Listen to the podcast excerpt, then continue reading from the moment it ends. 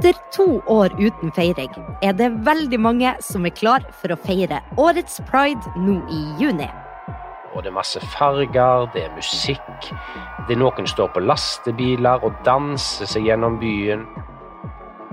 De som er med på pride, feirer alt som er oppnådd for skeives rettigheter. Og noen bruker dagene for å markere hva de mener burde bli enda bedre. Men i år så er det noe som er ekstra viktig. For i år så er det 50 år siden det ikke lenger var ulovlig å være homofil i Norge. Du hører på Forklart junior. Jeg heter Ragnhild Thelise Christoffersen. Masse farger, dansende mennesker i gaten og full allsang er helt vanlig når folk markerer pride i dag. På 50 år så er det blitt helt annerledes å være skeiv i Norge. Men hva vil det egentlig si å være skeiv? Vi tenker jo det at eh, det å være skeiv, det handler om alle de av oss som på en eller annen måte eh, bryter eh, de mest vanlige og mest brukte måtene å være på når det gjelder hvilket kjønn du har, hvilken seksualitet du har, og kanskje òg eh, hvordan du uttrykker deg. Så det kan handle om ganske mange mennesker, egentlig. Han som snakker nå, heter Bjørn André, og han jobber på Skeivt arkiv ved Universitetet i Bergen. Skeivt arkiv har fått en oppgave, og den oppgaven er å samle inn, ta vare på og fortelle eh, historien om eh, alle som er skeive i Norge i dag, og alle som har vært skeive i Norge eh, tidligere i historien.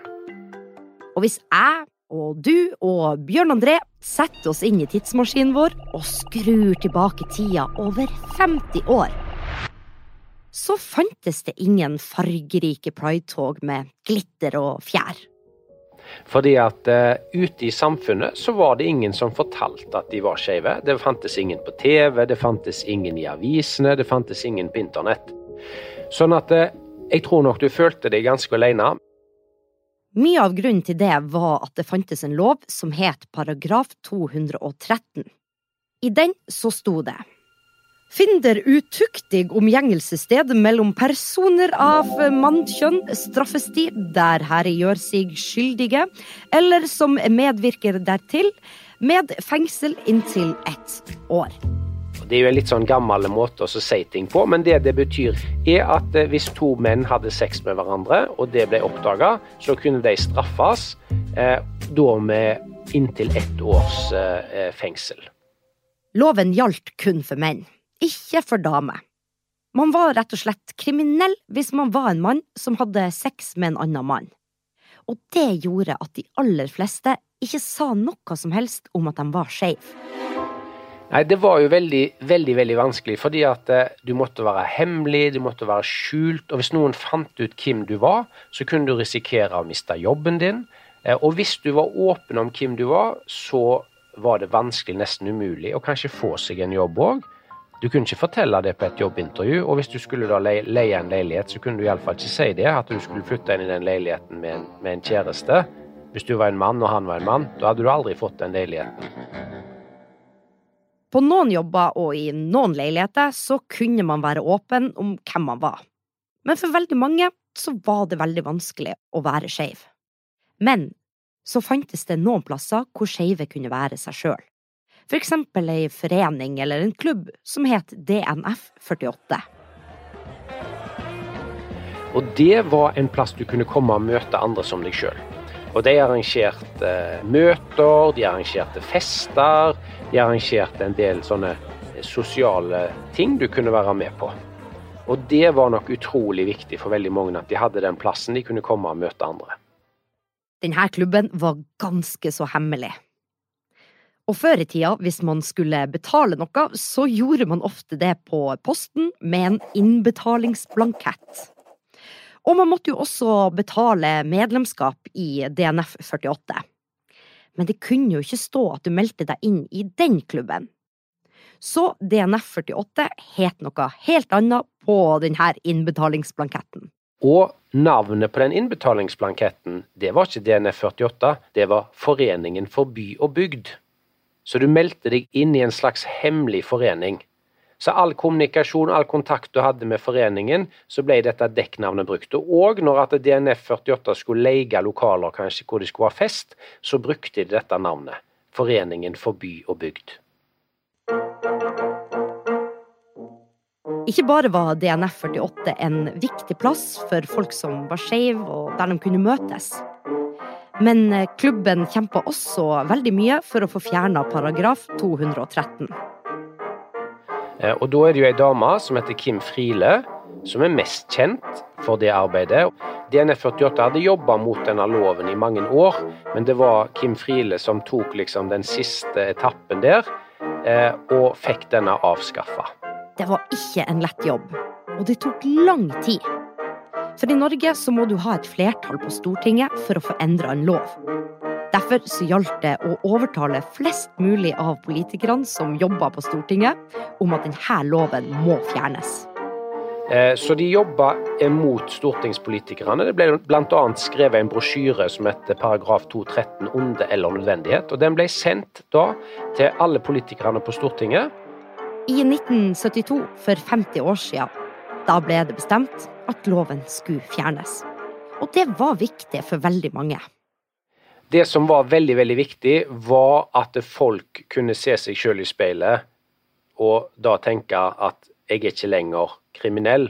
Og det har enormt mye å si, det er veldig viktig for folk. Og så gikk det med du kan si små museskritt framover. For det skulle ta enda litt tid før alle fargene, glitter, paljetter, allsang og dansende folk skulle komme ut i gatene i Norge for å feire pride. Vi reiser over til USA for 53 år siden. Til Stonewall, en bar i New York. Eh, og Der eh, var det sånn at politiet pleide ofte å komme inn og lage litt bråk. og ja, Var ikke så veldig, veldig snille med de folkene som gikk på den baren. Det var jo en bar for skeive. Eh, og akkurat den ene kvelden der så eh, ble folk litt leie av det, og så begynte de å slåss. Og De slåss med politiet, de heiv politiet ut, og det ble ganske mye bråk. Og det ble rett og slett gateslag i Stonewall eh, i og rundt baren der den kvelden. Året etterpå gikk folk i tog for å markere det som hadde skjedd på Stonewall. Og det ble på en måte starten for pride.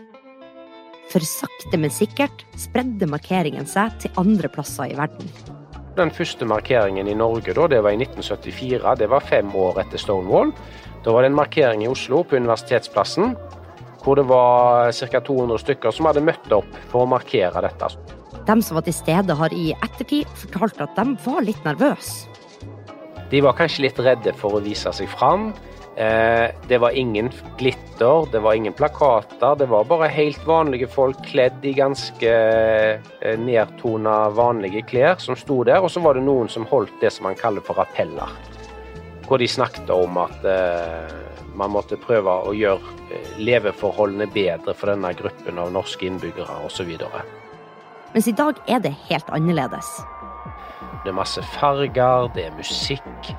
Det er Noen står på lastebiler og danser seg gjennom byen, og noen eh, går på gata, og det er barn, og det er voksne, og det er folk fra utlandet som har kommet på besøk for å være med på dette. Og det er folk fra hele Norge som reiser til Oslo for å være med og feire. For nå som vi har lært, er det ikke ulovlig å være skeiv i Norge. Men så har man jo i Europa òg plasser hvor ting begynner å bli litt vanskeligere igjen. Og vår store nabo i øst, i Russland, så er det jo overhodet ikke greit og enkelt å være skeiv. Så man skal ikke så langt ut forbi Norges grenser før dette igjen kan være litt vanskelig, og til og med farlig. Jeg tror at vi kan si at Norge er et av de aller beste, om ikke kanskje det beste landet i verden eh, å være skeiv i. Det, det, tror jeg vi kan si. Og Det samme gjelder jo eh, Skandinavia og det meste av, av Nord-Europa. Hvis du har noe du har lyst til å lære mer om, så vil jeg gjerne vite det. Da kan du sende meg en e-post. E-postadressen min er rtk.alfakrøllaftenposten.no. Du har hørt på Forklart junior. Jeg heter Ragnhild Thelise Christoffersen. Episoden er produsert i samarbeid med Filt Oslo. Daniel Daatland er produsent der. Og i Aftenposten Junior er det Mari Midtstigen som er ansvarlig redaktør. Vi høres neste uke.